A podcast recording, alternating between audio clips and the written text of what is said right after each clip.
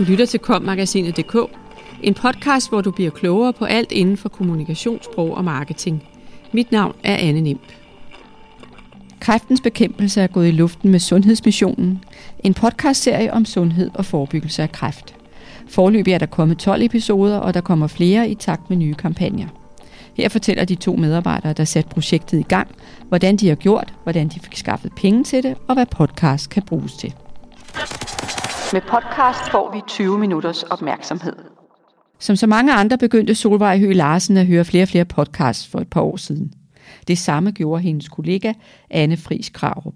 De hørte for eksempel fagrelevante podcasts om sundhed. Det er relevant, fordi de begge er ansat i kræftens bekæmpelsesprojekt Gruppe Liv, der arbejder for at forebygge kræft i Danmark.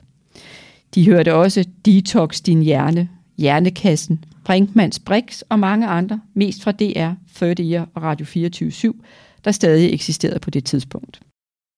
Langsomt opstod tanken om at gå i gang med at producere podcast for kræftens bekæmpelse om sundhed og forebyggelse, og at gøre det som en tilføjelse til de eksisterende kommunikationsplatforme.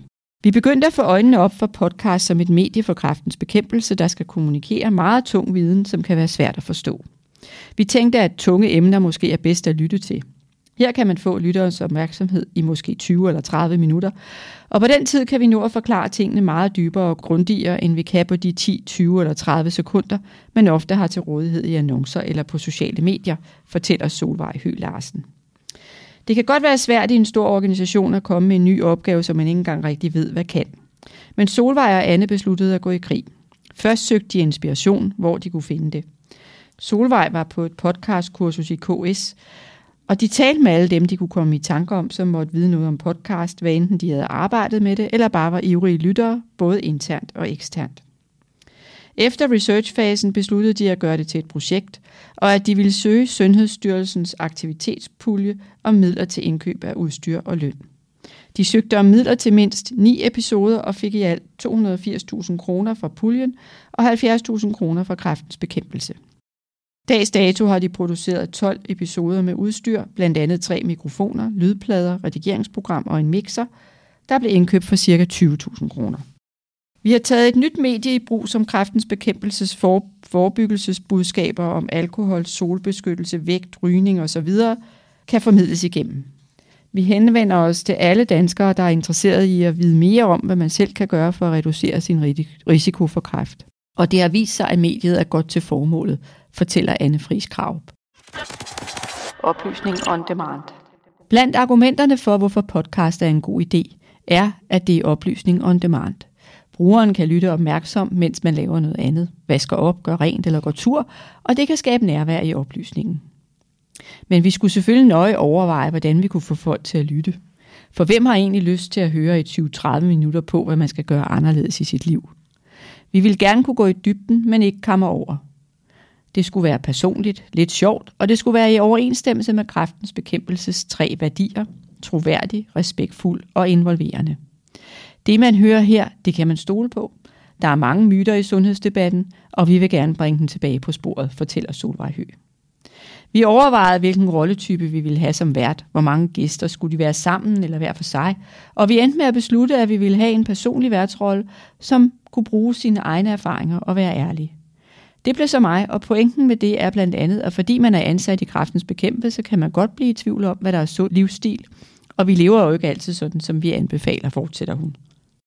Alle episoder begynder med et introklip. I episoden om vægt hører man Solvej spørge kæresten, om hun ser for fed ud i de her jeans. Hans svar er et spørgsmål. Er det et trickspørgsmål? Vi er ude på, at lytterne skal sænke paraderne, når Solvej går på med sine issues. Og introklippet bliver der arbejdet rigtig meget med. Vi udarbejder manuskripter og interviewguides sammen, som regel på baggrund af forberedende interviews, så vi er godt forberedt, når vi optager, også selvom det ikke er live, fortæller Anne. Tag op og klip ud. Når de interviewer gæsterne, handler det om at skabe en tryg stemning, og den får man blandt andet, fordi man kan tage om og klippe ud. Det er ikke sjældent, at en gæst gerne lige vil ændre lidt på formuleringen af et svar. Også hvert inden kan ændre på spørgsmål og kommentarer. Ingen af os er journalister, og vi har ikke arbejdet med radio, så vi må øve os, siger de. Rent fortælleteknisk har de fundet ud af, at det er vigtigt at aflevere de vigtigste pointer tidligt i podcasten, så efter introen præsenteres eksperten for en række udsagn om emnet, som der skal svares ja eller nej på. For eksempel, man er selv skyld i sin overvægt, personer med overvægt kan bare tage sig sammen, eller fedme er afligt.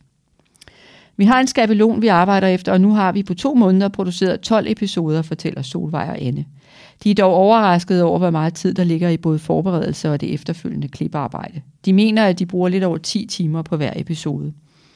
Og det er fra idé til forberedelse, også i form af samtaler med kolleger i kraftens bekæmpelse, så de er godt klædt på til hvert emne, optagelse, klipning og markedsføring. Det sidste skal der nemlig også bruges tid på, ellers får man jo ingen lyttere. Sundhedsmissionen ligger på alle de apps, hvor folk henter deres podcasts. Der er produceret tre små film, som fortæller om den nye podcast. De kører på alle de kanaler, kræftens bekæmpelse findes på. Det vil også sige sociale medier. Så er der historier i nyhedsbreve, der er pressemeddelelser og pakker til de magasiner, der har sundhedssider. På de første fire uger efter podcasten gik i luften, kunne man tælle 2.500 downloads. Podcast er blevet en ny kommunikationsplatform for kræftens bekæmpelse på lige niveau med kampagner, events og andre aktiviteter. Det betyder, at hvis vi går ud med et nyt budskab, så kan vi også bruge podcast til at formidle om emnet, for eksempel i stedet for at linke til en rapport. Vores podcast vil også blive brugt aktivt på de sociale medier, og når vi får spørgsmål og kommentarer, kan vi sende et link til en podcast, der handler om emnet. I stedet for at folk kan læse, kan de nu også lytte, når de vil vide mere om et emne, slutter de to kollegaer. Du lyttede til kommagasinet.dk, podcasten til dig, som elsker kommunikationssprog og marketing. Subscribe, del og lyt med i næste uge. Podcasten er indtalt af Anne Nimb og Ask Lermand, produceret af Mark Justesen Pedersen og udgivet af Kommunikation og Sprog.